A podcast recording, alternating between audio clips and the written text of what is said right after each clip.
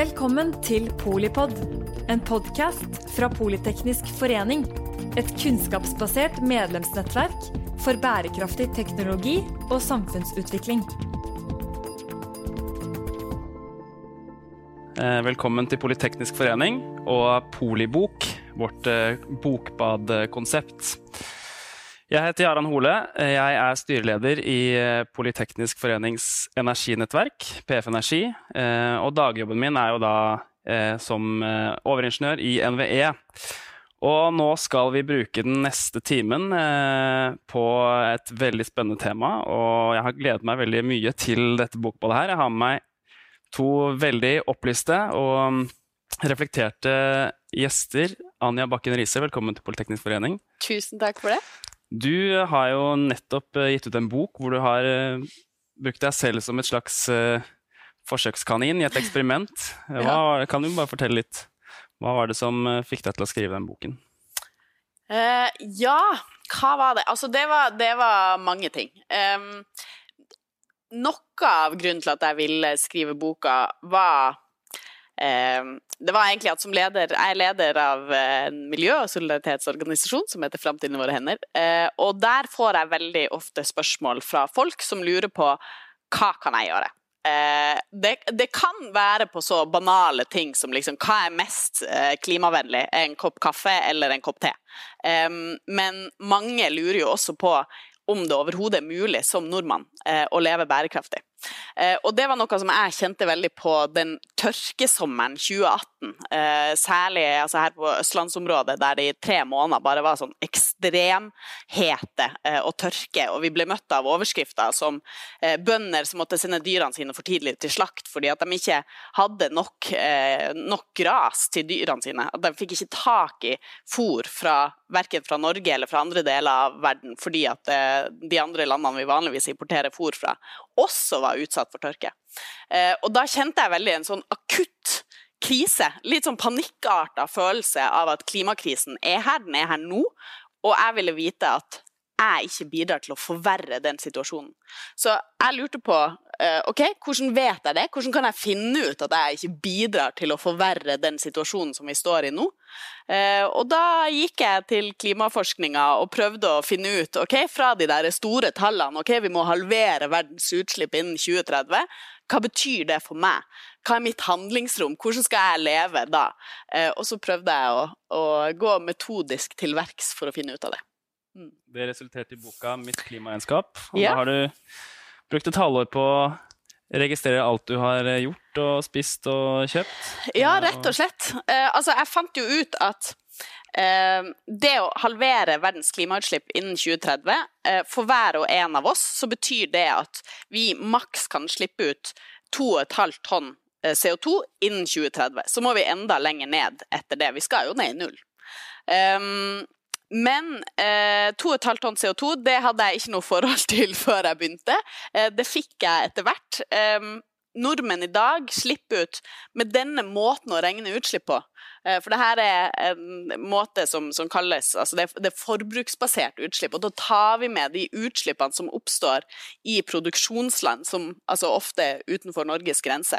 Men da tar du med alle utslippene hele veien fra Kina eller Bangladesh eller hvor det nå er varene dine eh, kommer fra.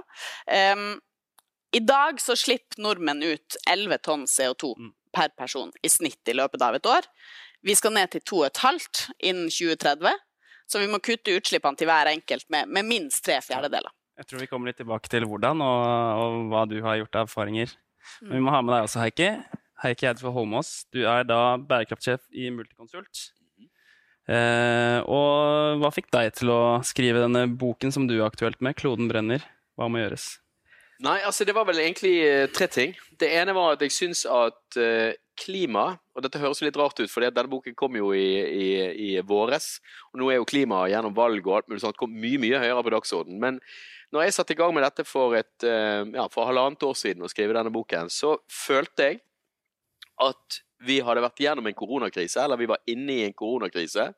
Og jeg følte at kontrasten ble enormt stort mellom måten vi håndterte koronakrisen på, og måten vi som samfunn forholdt oss til klimakrisen.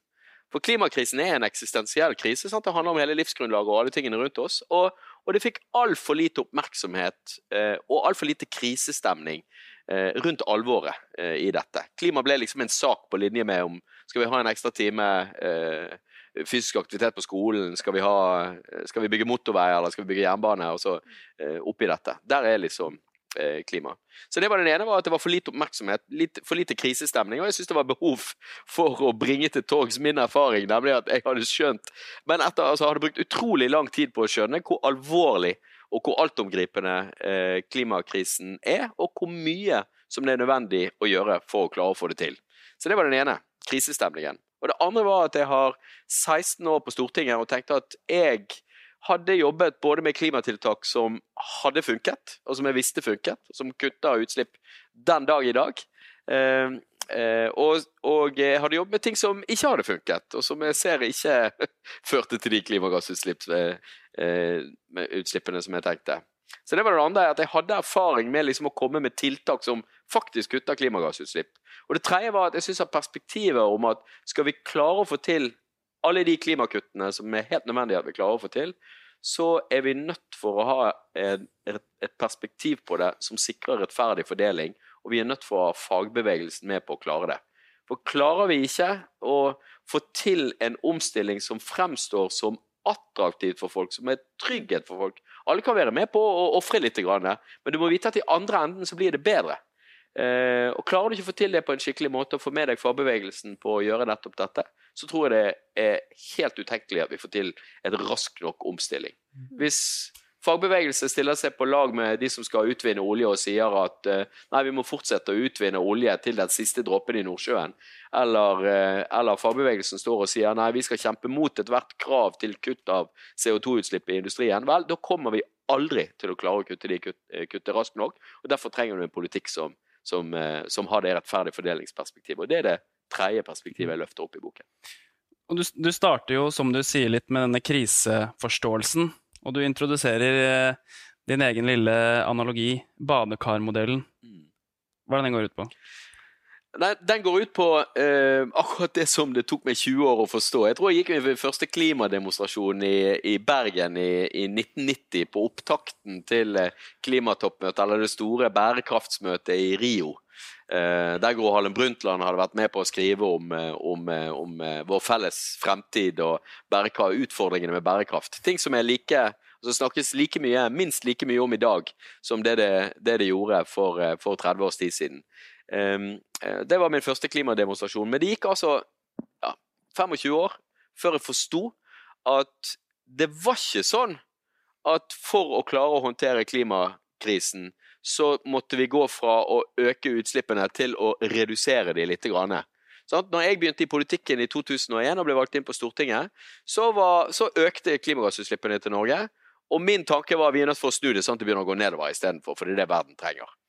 Eh, jeg skjønte ikke da det som jeg nå har skjønt, nemlig at klimagassutslippene må til null for at vi skal stoppe temperaturen i å fortsette å stige. Fordi klimasystemet vårt, atmosfæren vår, er som et badekar all CO2-en vi følger oppi ved brenning av olje, kull og gass og nedhugging av regnskog, det blir værende i atmosfæren, i badekaret om du vil, eh, og er med på å varme opp eh, temperaturen og kloden. Og Derfor er det kun det å kutte helt ned til null utslipp som vil stoppe temperaturen fra å stige raskere. Og Det som også ligger der, er jo at jo fortere vi klarer å stenge kranen, jo fortere vi klarer å halvere utslippene, desto lengre tid har vi på å komme helt i mål til null. Men det haster, og vi må altså halvere utslippene våre frem til 2030 som, som klode hvis vi skal klare å få til dette her, og klare å, å si, ha en, en mm. fair sjanse til å begrense oppvarmingen til 1,5 grader. Og det må vi, fordi mm. eh, det blir bare verre og verre jo mer temperaturen stiger. Mm. Og badekaret ditt det representerer hele kloden, mm. ikke sant? Og vi er vant til å forholde oss til eh, geografiske utslipp. Mm. Det er det som SSB publiserer, og som eh, man bruker mye tid på debatten i Norge. Mm. Eh, det er kanskje en grunn til at du introduserer en litt annen måte å regne på. Eh, nettopp pga. at det ikke er CO2-en kjenner ikke landegrensene like godt som vi. Mm, kan ja. du bare si litt om den jobben dere har gjort med, og, og tankegangen rundt det forbruksjusterte? Ja, Altså, eh, fordi i Norge, altså, som en del av det internasjonale klimarammeverket, så har hvert land et ansvar for sine egne klimautslipp, altså de utslippene som oppstår innenfor det landets grenser. Eh, men det vi ikke eh, fører regnskap over i dag, eh, og heller ikke har noen form for ans eller tar noe juridisk i hvert fall ansvar for, det er de klimautslippene som oppstår i produksjonen av varene våre. Og de klimautslippene som oppstår når vi eksporterer olje og gass ut av landet og det forbrennes andre steder. Men det skal Heikki få lov til å snakke om etterpå. Men, men et land som Norge, og de, altså de fleste industrielle, mange rike eh, industrialiserte land, har jo flytta ut. Altså vi har outsourca nesten all vareproduksjon til andre land. til Sørøst-Asia. Altså, alle klærne våre kommer nesten fra Kina og Bangladesh, Vietnam. Eh, veldig mye av elektronikken vår. Eh, en del møbler produseres i Europa, noe produseres enda lenger rundt. Altså nesten absolutt alt vi omgir oss med i eh, dagliglivet vårt, det er produsert andre steder. Så det betyr jo at eh, det, vi har noen veldig store, skjulte klimautslipp eh, som, som, som, Norge da ikke tar noen form for ansvar for i dag. Så det vi i Framtiden våre hender har fått utarbeida, er egentlig et, et, forbruksbasert klimaregnskap for Norge. Eh, og der ser vi altså de territorielle utslippene i Norge ligger på rundt 50 millioner tonn eh, per år. Eh, når du tar med de forbruksbaserte utslippene, så ligger vi på eh, rundt 58 eh, millioner tonn CO2. Um, så, ja, det er mye vi kan gå, inn i der. Men vi, vi, mener ikke at man skal erstatte den territorielle eller geografiske regnemåten, eller uh, gjøre om på det internasjonale klimarammeverket. Men vi mener at vi trenger å få på plass en bedre oversikt over den totale miljøbelastninga fra nordmenn, på, uh, både gjennom forbruket vårt, så vi ønsker oss et forbruksbasert klimaregnskap. Vi ønsker oss også et regnskap som synliggjør utslippene som oppstår eh, fra all oljen og gassen og, det vi eksporterer ut av landet. Ja, for der, der, er du inne på en litt annen tanke. Når det forbruksbaserte klimaregnskapet eh, hensyntar det man, varene man eksporterer og importerer, så får vi jo mer utslipp fra klær, som du er inne på, elektronikk, mm. til vår egen hverdag. Mm. Men samtidig så betyr jo at utslippene fra produksjonen av olje og gassen som eksporteres, Eh, ikke havner på nordmenns kappe, men på de som kjøper den varens kappe. Mm. Du er jo i boken din langt på vei inn på at uh, vi kanskje heller burde tatt uh, ansvar for, for uh, de utslippene som vi produserer, men som, som, som eksporteres, og som etterspørres av folk utenfor Norge. Absolutt. Jeg tror det er veldig vanskelig. å tro liksom det er Uh, jeg tenker det, Du kan ikke snakke om og det skriver jeg også i boken, du kan ikke snakke om norsk påvirkning på klimaet uten å snakke om olje. Mm. Fordi at oljen og gass er nordmenns største bidrag til klimagassutslippene i verden. Det er klart at uh, utslippene fra oljen og gassen når den brennes i andre land, er altså omtrent ti ganger så stor som de samlede utslippene i Norge. Så det å liksom bare lukke øynene og ørene for at, uh, at, vi påvirker klimaet på kloden mye mye mer enn det vi i virkeligheten diskuterer, det blir liksom å, å fornekte sin egen innflytelse på, og sin egen påvirkning på kloden. Så jeg sier, og, og jeg tenker jo at her supplerer jo egentlig bøkene til meg og Anja hverandre veldig, uh, veldig godt. Eh, fordi at det Anja snakker om, det, altså det, vi er vant til å snakke om, det er utslippene, de direkte utslippene fra det vi holder på med i Norge. Altså når vi kjører biler. Når vi brenner olje, kull og gass, for å si det veldig enkelt. Eh, mens det Anja snakker om, er jo at vi må jo faktisk også ta ansvar for de utslippene som kommer som, av det fotavtrykket vi skaper som følge av alle klærne vi produserer og alle tjenestene vi har. Men den naturlige konsekvensen av dette er jo også å se på de indirekte utslippene av alt det som alle de tingene som følger av vår eksport av varer og, og, tjenester. Og nettopp sånn er det jo næringslivet nå tenker i større og større grad.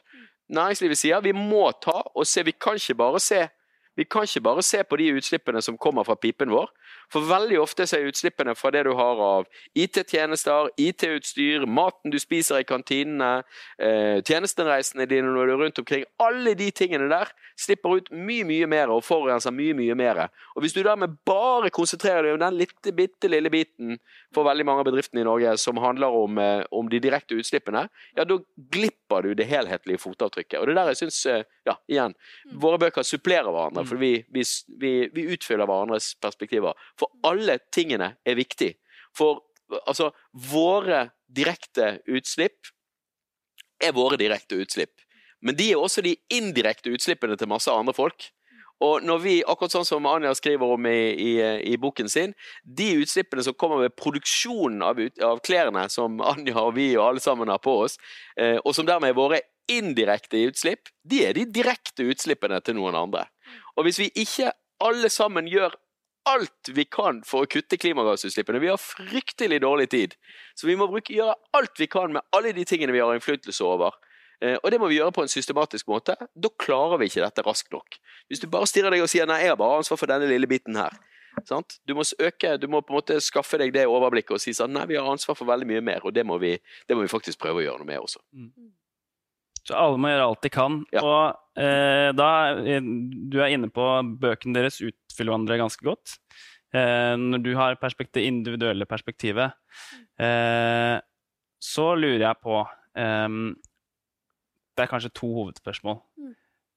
Hvilke, hvilke, ting eller varer eller aktiviteter var det som uh, gjorde mest utslag, og kanskje som var mest overraskende når du faktisk begynte å telle CO2-utslippene? Mm. Og hva tror du for deg er det vanskeligste å gjøre noe med etter at du har brukt et halvt år på et sånt eksperiment? Ja um, Gode spørsmål. Altså, um, jeg tror jeg tror Istedenfor å ta utgangspunkt i meg og hva jeg opplevde, så tror jeg jeg vil si noe om hva eh, som er den store greia for nordmenn flest. Mm. For det tror jeg kanskje er enda mer relevant. Um, og det, altså eh, du kan, Grovt sett så, så de største utslippene fra hver og en av oss kommer fra transport. Altså hvordan vi forflytter oss i hverdagen, eh, og ikke minst hvor mange lange flyreiser vi tar. Um, eller flyreiser overhodet, men de lange er spesielt forurensende. Um, det er hva vi spiser. Uh, og det handler om hvor, særlig hvor mye kjøtt og hvor mye rødt kjøtt vi spiser, uh, og om vi klarer å spise opp maten. Eh, og så handler det om boligen vår. Bor vi på mye plass, eh, og har vi et, eller et trekkfullt hus eller leilighet, eller skal varme opp veldig mye samtidig, eh, så bruker vi mye energi. Nå går det ganske Altså, i forhold til en del andre land, så har vi veldig lave utslipp fra energiforbruket her. Men samtidig, ja, så det kommer jo litt an på hvor mye plass vi snakker om og, og sånn. Um, for mange nordmenn så er også utslippene fra oppussing eh, et av de store, eh, store avtrykkene. Eh, jeg så jo for min egen del at noe av det som kanskje gjorde det enklest for meg å, å kutte utslipp, var jo bare å la være å flytte til en større leilighet. Altså, jo, jeg, jeg, målte mine utslipp under koronapandemien, og her i Oslo så var det i hvert fall Det var veldig mange som flytta på seg, og det var veldig mange som skulle pusse opp eller fikse og ordne og sånn. I 2020 så brukte eh, nordmenn over 100 milliarder kroner eh, på å pusse opp eh, hus og hytter. Og en sånn ja, sånn grovt estimat på klimautslippet fra de 100 milliardene vi brukte på oppussing, er et klimaavtrykk som er dobbelt så høyt som alle innenriks flyreiser. Eh, så det er, ganske, det, det er ganske mye, da.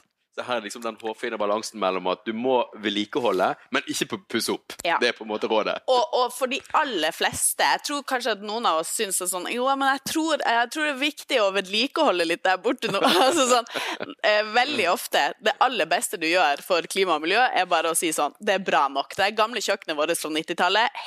Det er helt topp. Eh, nei da. Men, eh, men, for de fleste eh, det, det som jeg så Noe av det som ga meg egentlig optimisme Du spurte om hva som var vanskelig. Kan, OK, det som var vanskelig, var eh, Jeg bor i Oslo. Foreldrene mine bor i Tromsø. Eh, jeg, jeg, jeg, dro ikke hjem på besøk. Eh, jeg, altså, fly, eh, det, det, gikk ikke opp i klimaregnskapet mitt. Um, så, så, og det er jo vanskelig. Det er på en måte ikke holdbart for meg over tid å, å ikke fly hjem uh, til, til, foreldrene mine. Men det som ga meg litt optimisme, da, var at jeg som bor altså, no, det skal med. Jeg er en privilegert eh, person som har mulighet til å bo i ganske nært eh, altså Oslo sentrum og i nærheten av kontoret mitt. Så i hverdagen Nå hadde jeg jo mye hjemmekontor, men ellers så kan jeg sykle og gå til jobb. Eh, Og fordi de hverdagsreisene våre, selv om den enkelte reisen har lave utslipp, så tar vi så utrolig mange av dem. Det er til og fra jobb, det er kanskje til og fra butikken, eh, til og fra fritidsaktivitet, skole, hva det nå enn er. Fordi at vi tar så utrolig mange av de reisene, så betyr det at for nordmenn flest så utgjør det hverdagsreisinga en veldig stor del av, av klimaavtrykket ditt. Eh, det jeg så, var at siden jeg hadde altså bortimot ikke noen utslipp fra hverdagsreisene mine, så hadde jeg jo plass til å reise eh, på hytteturer hit og dit. Det ble en tur til og med med, med danskebåten, som jo har et forferdelig klimaavtrykk. Eh, men, men, jeg kom meg fra Oslo til København, eh, og alt det her Så jeg kunne Altså, for meg så syns jeg at jeg fikk reise. Jeg hadde ganske Liksom, jeg kom meg rundt og koste meg og, og, og liksom absolutt tilfredsstilt uh, mye av reiselysten min.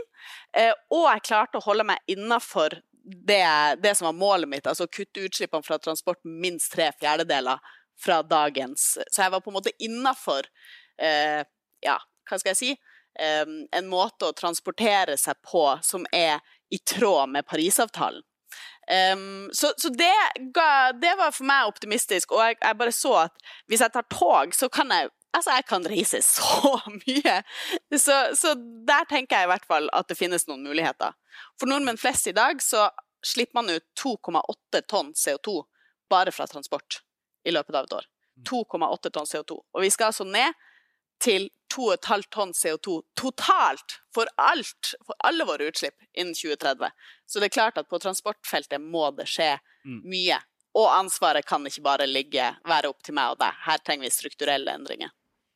Det skriver du litt om, eh, Heikki. Er det, er det håp for at uh, Anja kan uh, fly hjem utslippsfritt eller med lavutslipp i 2030, eller? Ja, men det kommer ikke av seg sjøl. Mm. Altså, måten å få det til på er jo ved at myndighetene sier at vet du hva, vi mener alvor. Dette med mm. klimakrise, det er blodig alvor. Vi er nødt for å få fremskaffet nullutslippsalternativer for, for folk. Fordi at det kan ikke være sånn, akkurat som Anja sier. altså Du kommer et stykke, du kan velge vekk, men det er grenser for hvor, det er grenser for hvor lenge du kan velge vekk en del av de tingene som vi syns er, er, helt nødvendige i samfunnet. Da. Og også alle utslippene. Sant? Du må jo spise mat. Eh, det, vi, vi, det, kommer vi liksom ikke unna. Eh, men mat har CO2-utslipp tilknyttet produksjonen fordi utslippene i hele produksjonskjeden ikke er kuttet til null. Og Det er da jeg sier at vel, altså vårt, Vår ambisjon må være veldig enkelt. Det er Vi skal til null så fort som mulig. Og for å klare å komme til, til, null så fort som mulig, så trenger du en politikk for å kutte utslippene til null så fort som mulig. Og da må du angripe sektor for sektor, og det er det jeg har gjort i boken min. Og kommet med liksom konkrete forslag. Både for hvordan vi lager en plan for å få det til, men også hvordan du skal løse det på de ulike sektorene. Og ta på transportsektoren, da, så er jo et av de stedene der vi jo i Norge har bevist at, her, at det er mulig å ta syvmilsskritt, eller syvmilssteg.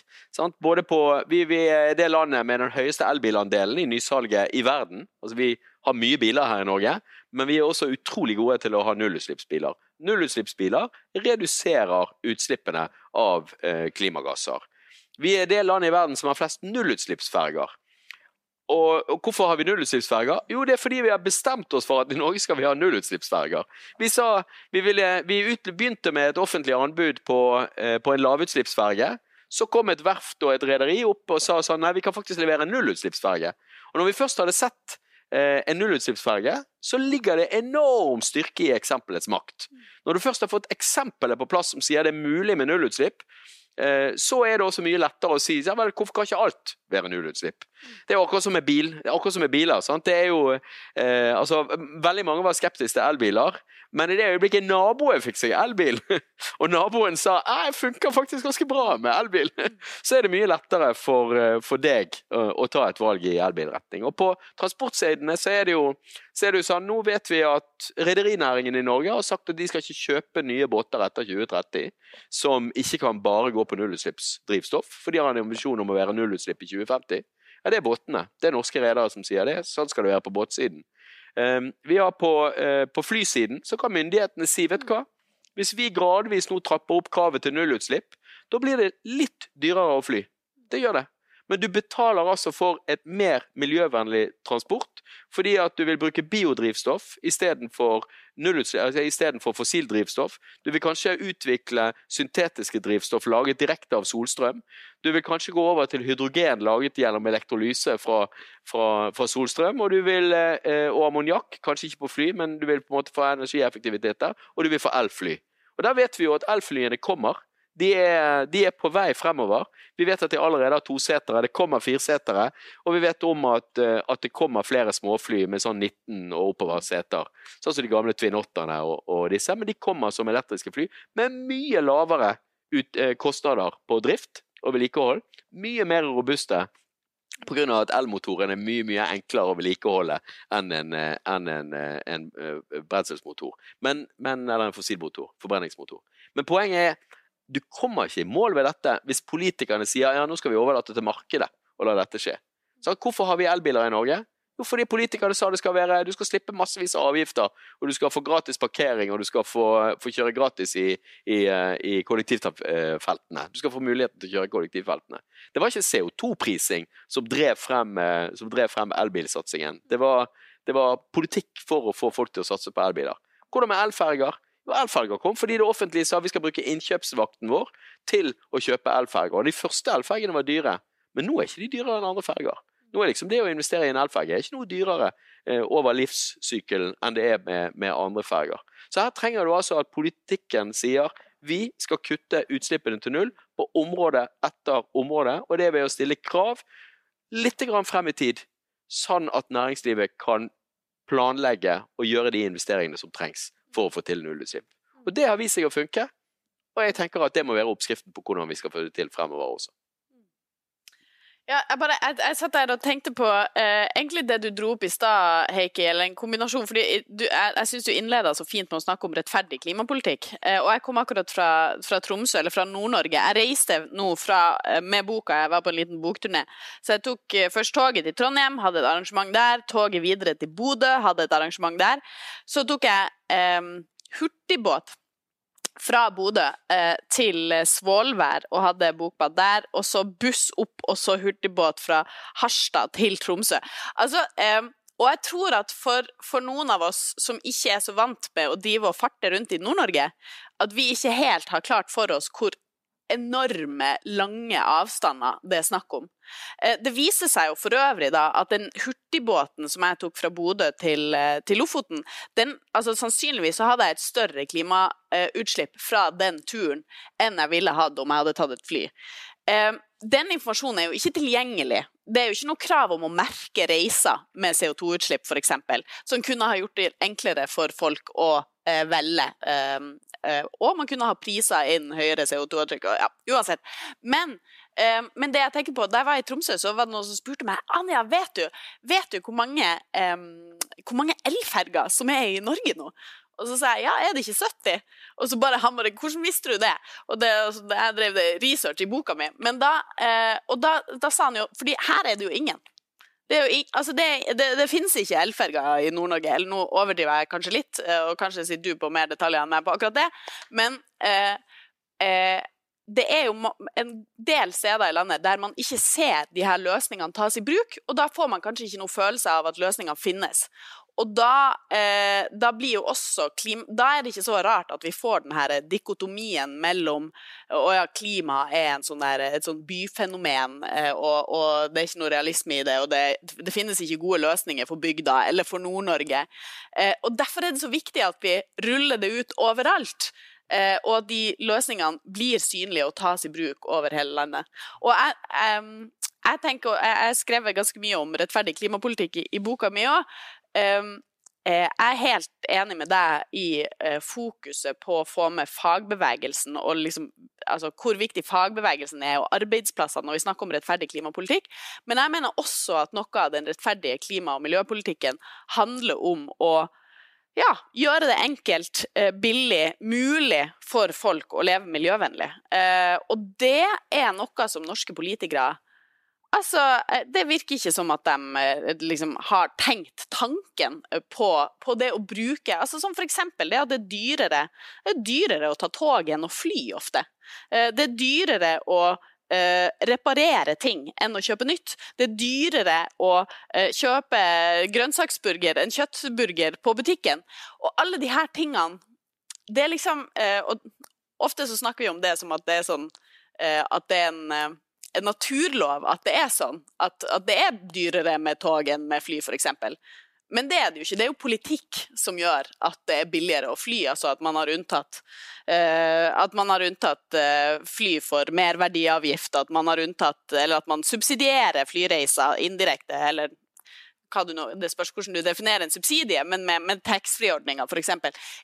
Sånn at du har jo masse politikk som eh, gjør det billigere å forurense og dyrere og vanskeligere å ta de gode miljøvalgene. Eh, og der, eh, der, skulle jeg ønske at vi hadde en mer sånn politisk oppmerksomhet rundt det der med å få med seg folk og gjøre det faktisk mulig for folk å leve miljøvennlige liv. Jeg er helt enig. Helt enig, og jeg tror jo altså, En av de gode tingene, gode nyhetene er jo at hvis politikerne vil, så kommer jo elfly før i Nord-Norge enn det kommer i resten av landet. Altså, Mm. Det kan fort i hvert fall være sånn. For hvor ligger småflyplassene? Hvor ligger kortbanenettet som er ideelt for elfly? Ja, Det ligger rundt omkring langs hele kysten og oppover i Nord-Norge. Mm. Så, eh, så igjen, det handler om hvor setter du inn trøkket for å få det til. Altså, det, var en, det var jo en tragedie at det ikke ble ryddet ut hurtigladere raskt nok i Finnmark. For veldig lenge lå Finnmark helt nederst på, på liksom elbil, elbilsiden. Og det var jo ikke så rart. For hvis du skulle kjøre fra Øst-Finnmark til Vest-Finnmark, så var det liksom ikke noe særlig med hurtigladere der. Og det, men det gjorde jo også at du fikk et lokalt engasjement. Jeg var tidligere medlem av Elbilforeningen. Og, og når du først da fikk, eh, fikk det lokale engasjementet for dette, så hadde jo de den beste saken i verden å kjempe for politisk. Nemlig å sørge for å få opp eh, mer elbillading. Nå kommer det jo også mer elbillading i, i hurtiglading i Finnmark.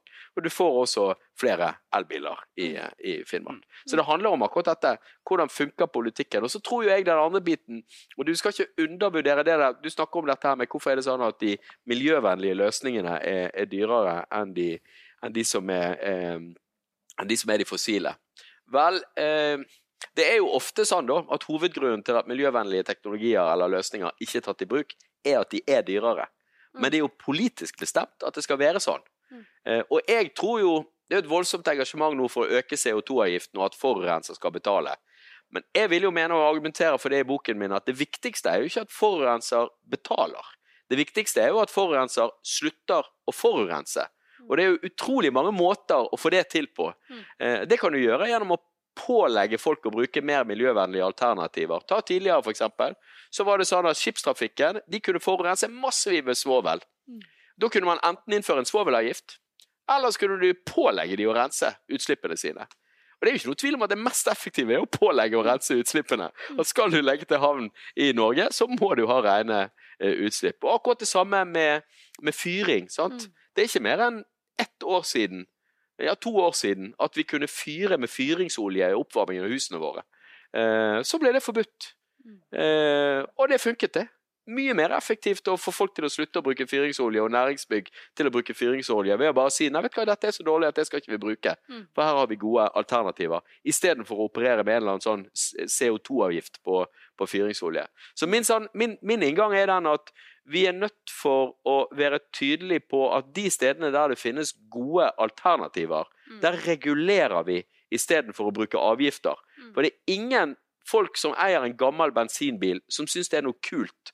At de er nødt, som føler at de har på en måte at de liksom blir mer miljøvennlige, og at det er dyrere å kjøre den fossilbilen. Det er jo mye bedre hvis den eh, bensinen blir dyrere fordi du har vært nødt for å blande inn mer miljøvennlig bensin.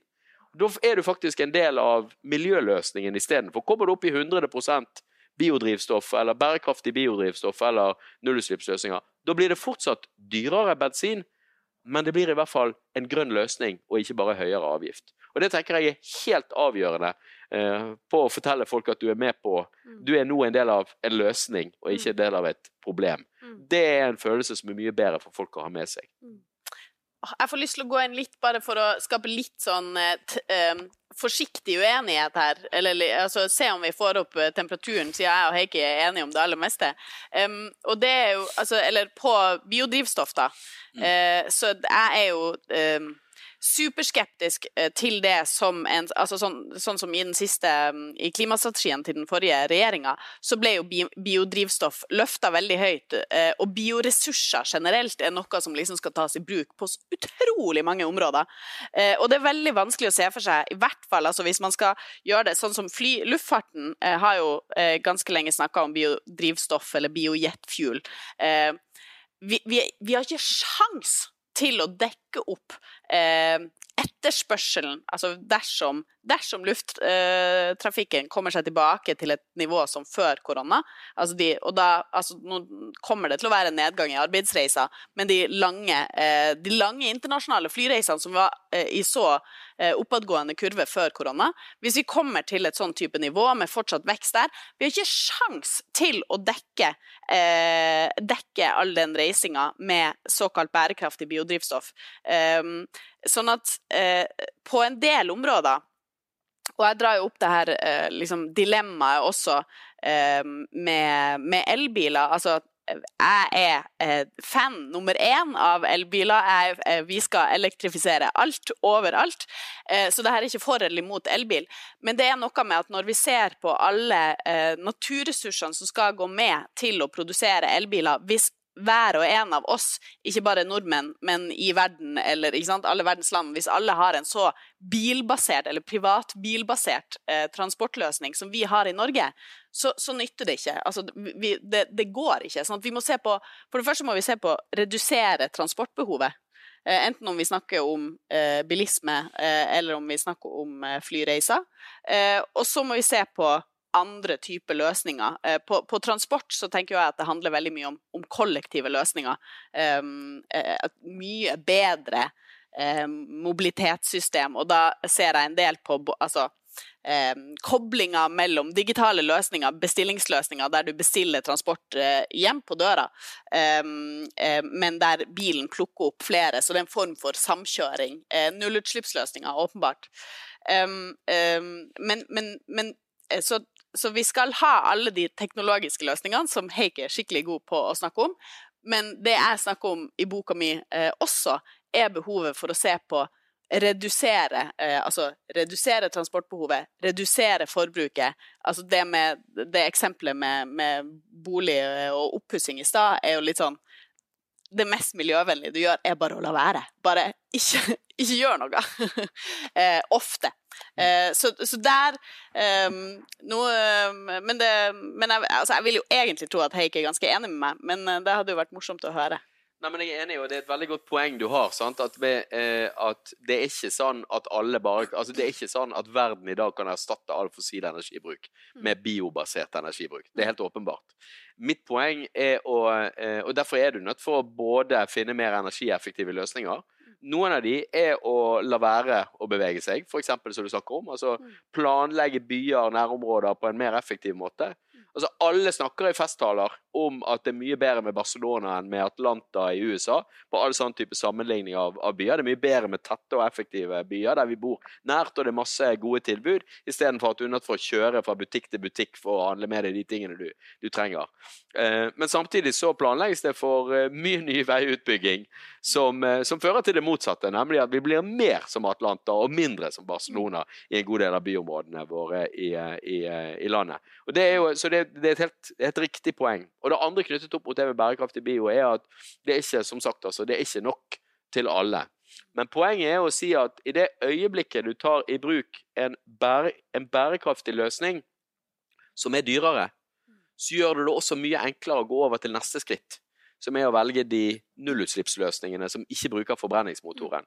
Og jeg tenker heller ikke at det er et akseptabelt ting å si at eh, vel, vi har en bilpark i dag som er basert på fossil energi, så la oss bare fortsette å kjøre de fossile energibilene på fortsatt utvinning av olje og kull og gass, eller olje og gass, da, for å putte på de bilmotorene i tiden som kommer. Der må vi ha en løsning, og der er bærekraftig biodrivstoff en del av den løsningen i en overgangsfase. Og det tenker jeg er liksom det, det, jo flere som er med på å drive frem dette, gir folk en miljøvennlig alternativ, som er litt dyrere, men som da er et miljøvennlig alternativ og ikke bare en høyere avgift, eh, så eh, er du også med på å utvikle og ta i bruk de nye teknologiske løsningene. Jeg husker Zero, eksempel, eh, miljøorganisasjonen Zero, gjorde en vurdering av dette knyttet opp mot elbusser. Der de sa at i det øyeblikket du skulle velge å gå fra fossilbaserte busser til elbusser, så var det et sprang i kostnad som var høyt. Hvis du påla alle sammen å gå på biodrivstoff, så ble det spranget mye lavere. Og Det gjorde jo også at du var med på å drive gjennom en elektrifisering av bussparken både i, i Bergen og i, i, Oslo mye, mye, og andre steder av landet mye mye raskere enn det du ellers hadde gjort. Så det handler om hva er alternativkostnaden din hvis du først skal gjøre noe på en miljøvennlig måte. Og Da driver du utviklingen mye raskere i riktig retning, og det er det helt nødvendig å gjøre. og det, det er jeg ikke overbevist om at vi er enige om. og så er mitt poeng med, med å skrive denne boken å peke på de tekniske løsningene det er å gjøre én ting. Og det er å si at jeg synes jo at diskusjonen om på en måte forbruker vi for mye, er fotavtrykket vårt for stort i Norge i dag. Svaret på det er ja, helt åpenbart. Det er altfor mye bruk og kast. Vi må ha mye mer sirkulær økonomi. Vi må tenke gjenbruk. Altså alle argumentene som du har i forhold til at vi må reparere klær, sende de videre, selge de mellom oss når vi er ferdig med de, i stedet for å kaste de og kjøpe nytt. Det er for billig med bruk og kast-samfunnet sånn som det er i dag. Vi må velge andre løsninger. Men helt uavhengig av hvor du står i diskusjonen om vi er mot økt vekst eller for økt vekst, så mener jeg at det er et viktig poeng å få frem at vi har de teknologiske løsningene. Det sier DNVGL, det sier Internasjonale energibyrået. Løsningene for å komme til nullutslipp, for å klare å begrense utslippene i verden i tråd med Parisavtalen og begrense global oppvarming til 1,5 grad, de finnes. Men det handler om mangel på politisk vilje til å ta de i bruk. Og Det syns jeg også er et selvstendig viktig budskap å få frem, helt uavhengig av hvor du mm. står i diskusjonen om skal vi opp eller ned i, i forbruket i tiden som kommer. Mm. Definitivt.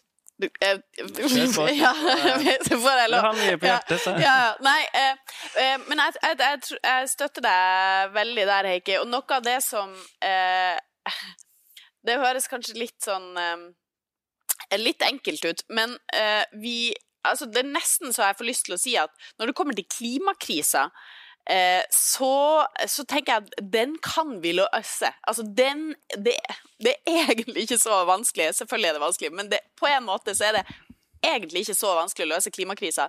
Det som eh, ble eh, det som jeg er kanskje mer uh, uroa for, det er uh, I arbeidet med boka mi så har, jeg, så har jeg innsett at jeg er blitt sånn ressursradikaler. og det er når, uh, når, du virkelig går inn i det og ser på alle naturressursene som går med til å bygge byene våre, husene, veiene, alt forbruket vårt.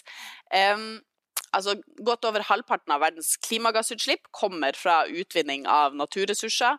Eh, når du ser på eh, eh, ødeleggelse av, eller forurensning av vann, eh, når du ser på utslipp av kjemikalier, når du ser på ødeleggelse av natur osv. Veldig mye av det er kobla til utvinning av naturressurser som går inn i å lage byene våre, produsere tingene våre osv. Eh, og hvis vi ikke klarer å finne smartere måter å organisere oss på, alt det som du, du snakka om i stad, med eh, hvordan vi planlegger byene våre, hvordan vi tilrettelegger liv for et lavere forbruk osv., osv. Hvis vi ikke klarer å finne de organisatoriske nesten løsningene, så, så, så, klarer vi ikke å få bukt på alle de naturutfordringene som vi står utenfor. Eh, så, så, så er litt sånn i skjæringspunktet mellom ødeleggelse av natur, mellom klimakrisa, så har du overforbruk av naturressurser. Eh, og det, hvordan vi skal knekke det, nå som du har eh, heldigvis sant, en stor del av verdens eh, utviklingsland som er inne i en sånn vekstfase, eh, masse mennesker som løftes ut av fattigdom, masse mennesker som ønsker seg, som har sett opp til vår levestandard og sett amerikanske filmer og, og, og vil ha det som vi har hatt tilgang på så lenge. Hvis vi ikke klarer å, å, å tilby eller vise til løsninger for hvordan man kan leve trygge, gode liv um, uten det der enorme ressursforbruket som vi har hatt, så, så begynner jeg å synes at det er vanskeligere. For altså, klimakrisa, masse av de tekniske løsningene, det, det, finnes, det kommer. Hvis vi bare har modige politikere, så får vi det på plass. Men det der med å samtidig ta tak i naturressursforbruket organisering av samfunnet vårt. Det, det, og det syns jeg nesten er en, en større nøtt, da. Begge, begge dere skriver en del om sirkulærøkonomi og et sirkulært samfunn.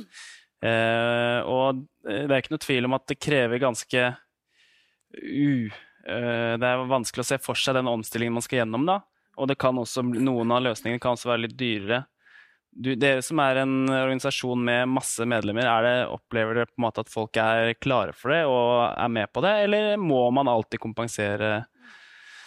Oh, kjempegodt spørsmål. Eh, altså eh, Langt på vei er eh, flertallet av nordmenn de, altså, Vi har hatt masse spørreundersøkelser de siste par årene og under korona der folk sier at de både altså, du har jo Seks av ti nordmenn sier at de ønsker like strenge tiltak mot klima som vi har eh, sett i møte med koronakrisa.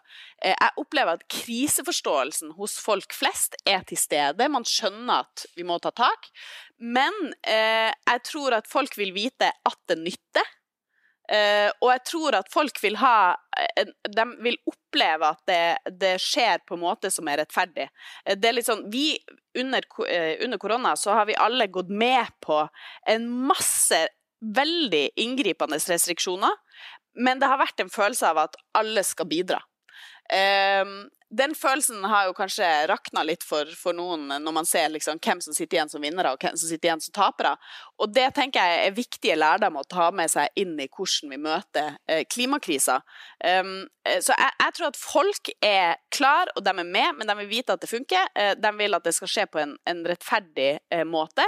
Men så tror jeg også at litt sånn som Heikki var inne på i stad, vi må se at det finnes gode løsninger. Eh, og jeg, jeg, tar opp i boka noen av, noen av, de løsningene som jeg mener finnes. En ting er transportsystemet, som jeg var inne på i stad, som er litt sånn wow, her finnes det masse spennende, gode løsninger eh, som, som, både kan gjøre at vi kan reise mer sømløst, det kan gå raskere, det kan eh, vi slipper å stå fast i kø bak masse biler, men liksom Ja.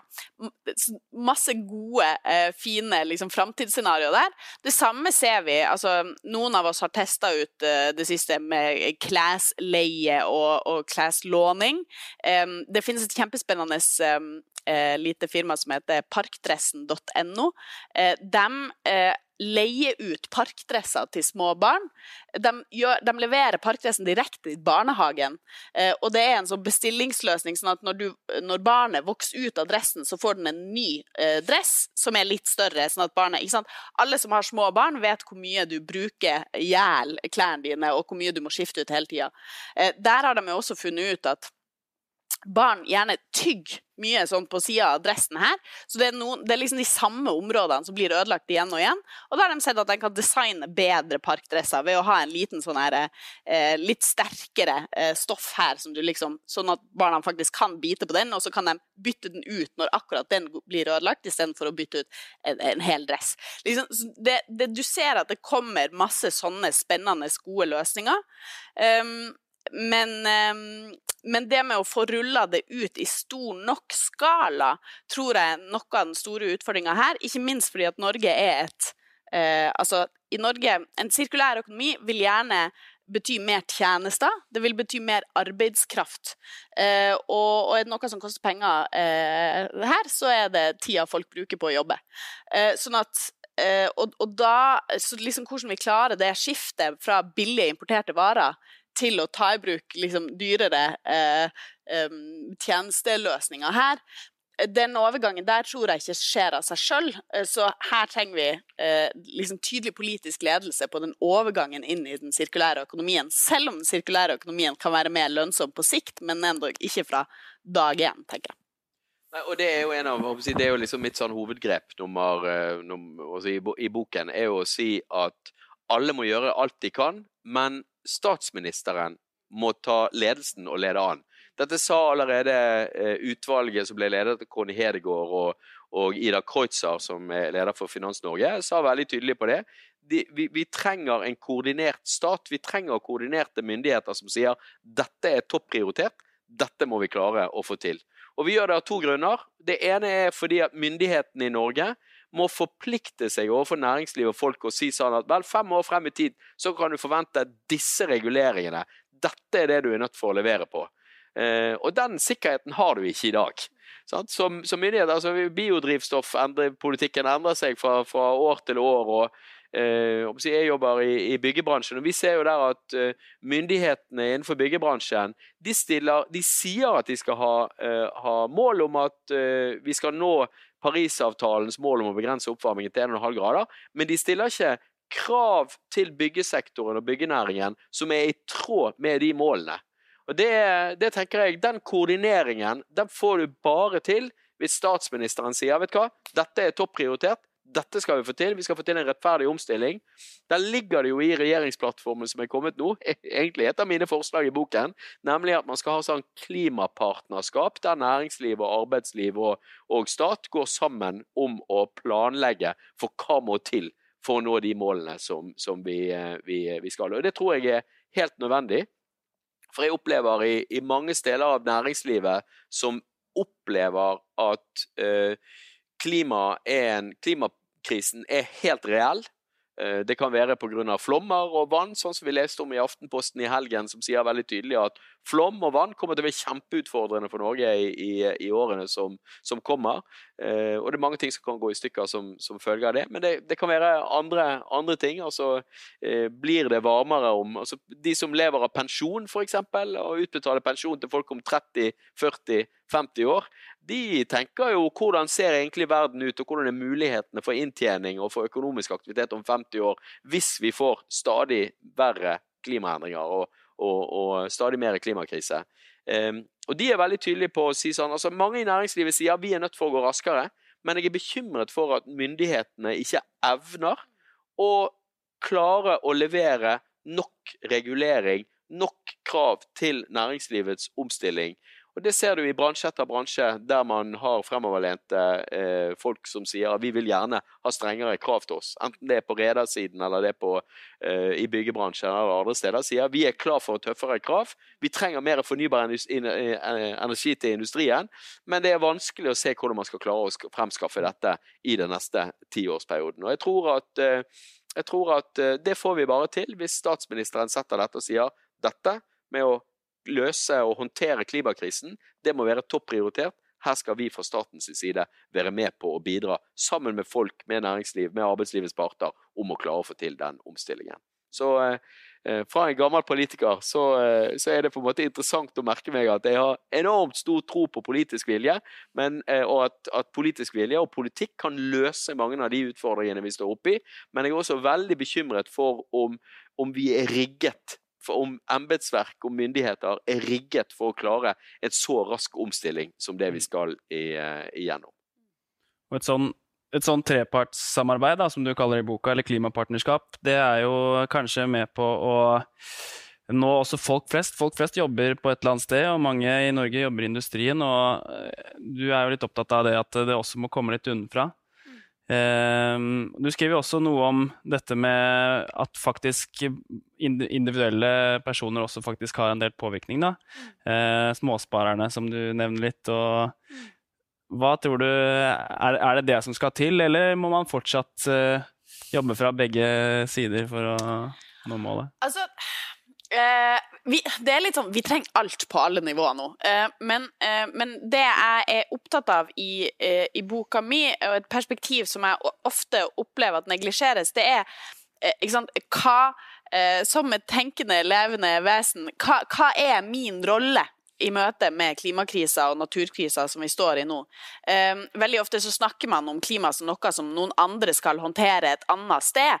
Og jeg tror at for mange av oss så er det litt sånn Ja, men, men hva med meg, da? Det, det, står krise overalt, ikke sant? I alle avisforskrifter, overskrifter. Og så, og så liksom skal ikke jeg skal ikke jeg gjøre noe? Så det var litt sånn noe av det jeg prøvde å finne, finne svar på.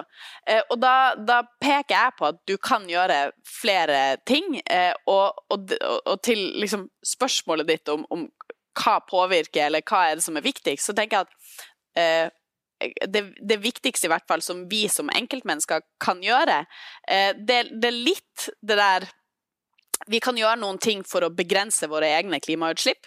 Eh, så det vi snakker om, eh, hvordan du reiser, hva du spiser og litt sånt.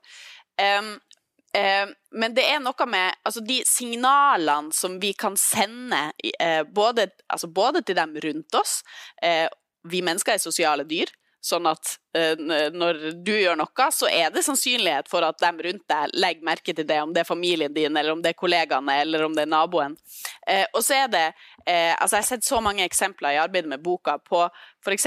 småsparere som begynner å velge grønne spareprodukter, og der han, han som er intervjua i KLP, Lars Erik Mangseth, som jobber med bærekraftig finans, som sier bare det at altså det, det, har blitt så populært med de grønne produktene våre, og det gjør at banken responderer og tenker ok, vi må, vi må, faktisk tilby flere grønne produkter. Hvordan kan vi utvikle oss til å bli bedre og ha bedre pakker å tilby til sparere?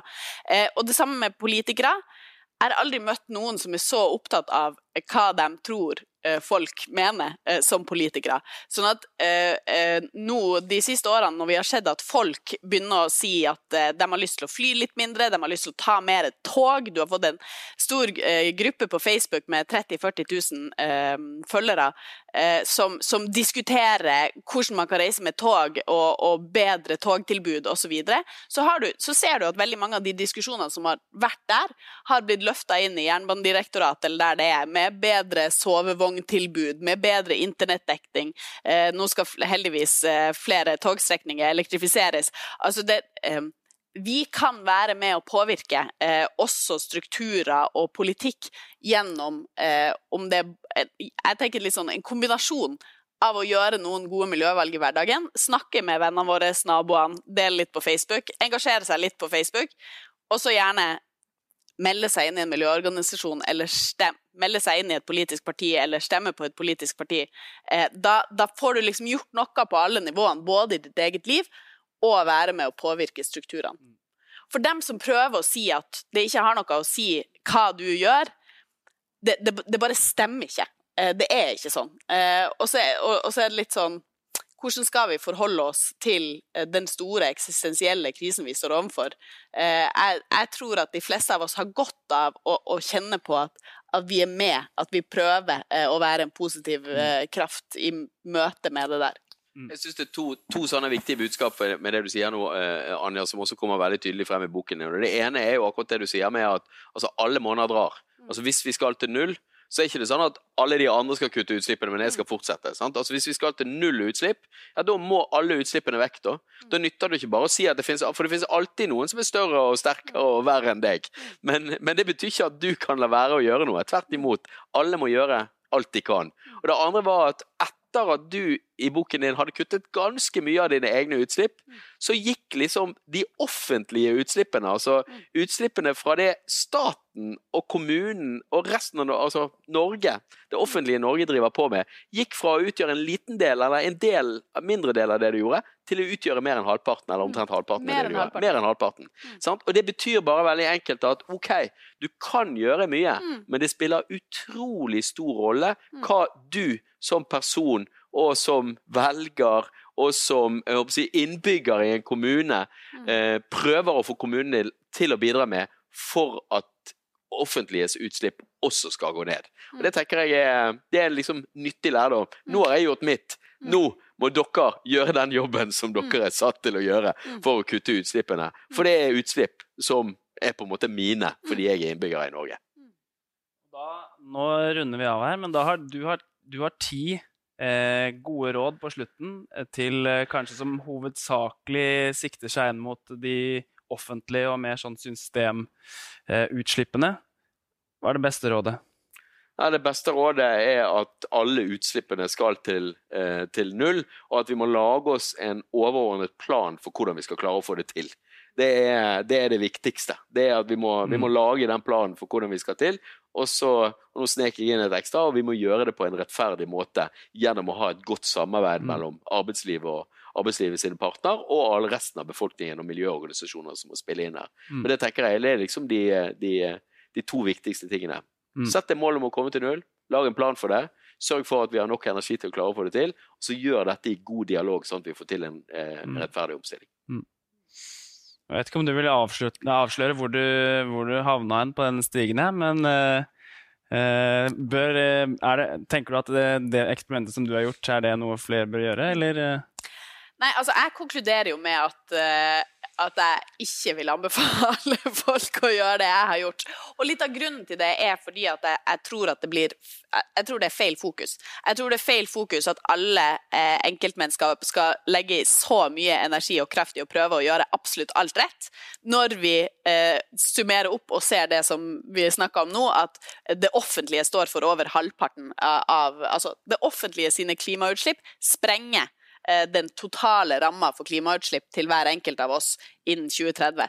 Eh, så, så, så liksom, vi kommer ikke i mål hvis ansvaret skal legges på eh, enkeltindividet. Så vi, vi, trenger de der store, store strukturelle endringene. Men så, så, nei, ikke prøv å gjøre det jeg har gjort.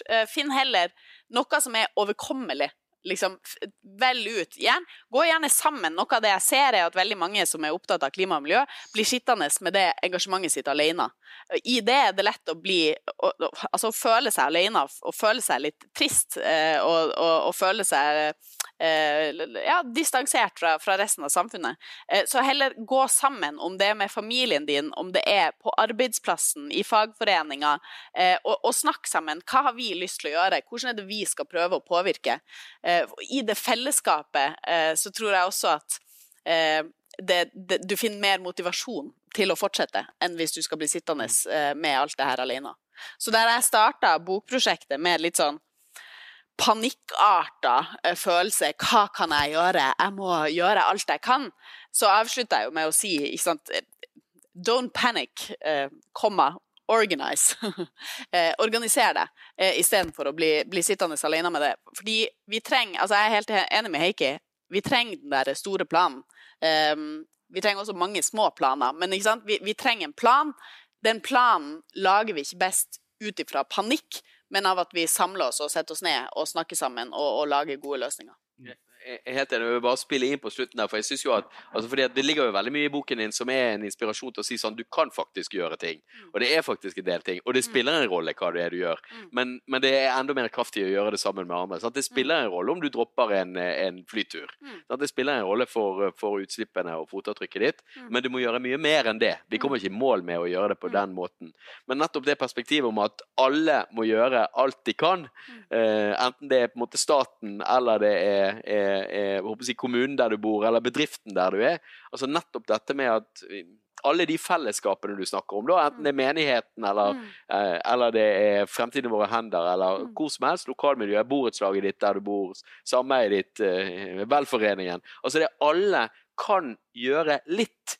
Og alle kan gjøre noe som vil være betydningsfullt, mm. men det nytter ikke hvis du bare sier at det er bare du eller bare du som skal mm. fikse det. Sant? Mm. Vi må være inn dette, vi må gjøre dette sammen. Og uh, da uh, kan det gå fortere. Og det ja. kan gå fort nok. Ja. Men, uh, men, det blir spennende å se om vi klarer å få til den koordineringen som er helt nødvendig for å få til for å komme i mål. Yes. Men det må vi håpe. Det må vi håpe. Ja. Jeg bare vil avslutte med å gratulere dere med to veldig gode bøker. Takk for at du lyttet til Polipod fra Politeknisk forening. Få med deg flere episoder, eller bli med på nettverksmøtene som du finner på at polyteknisk.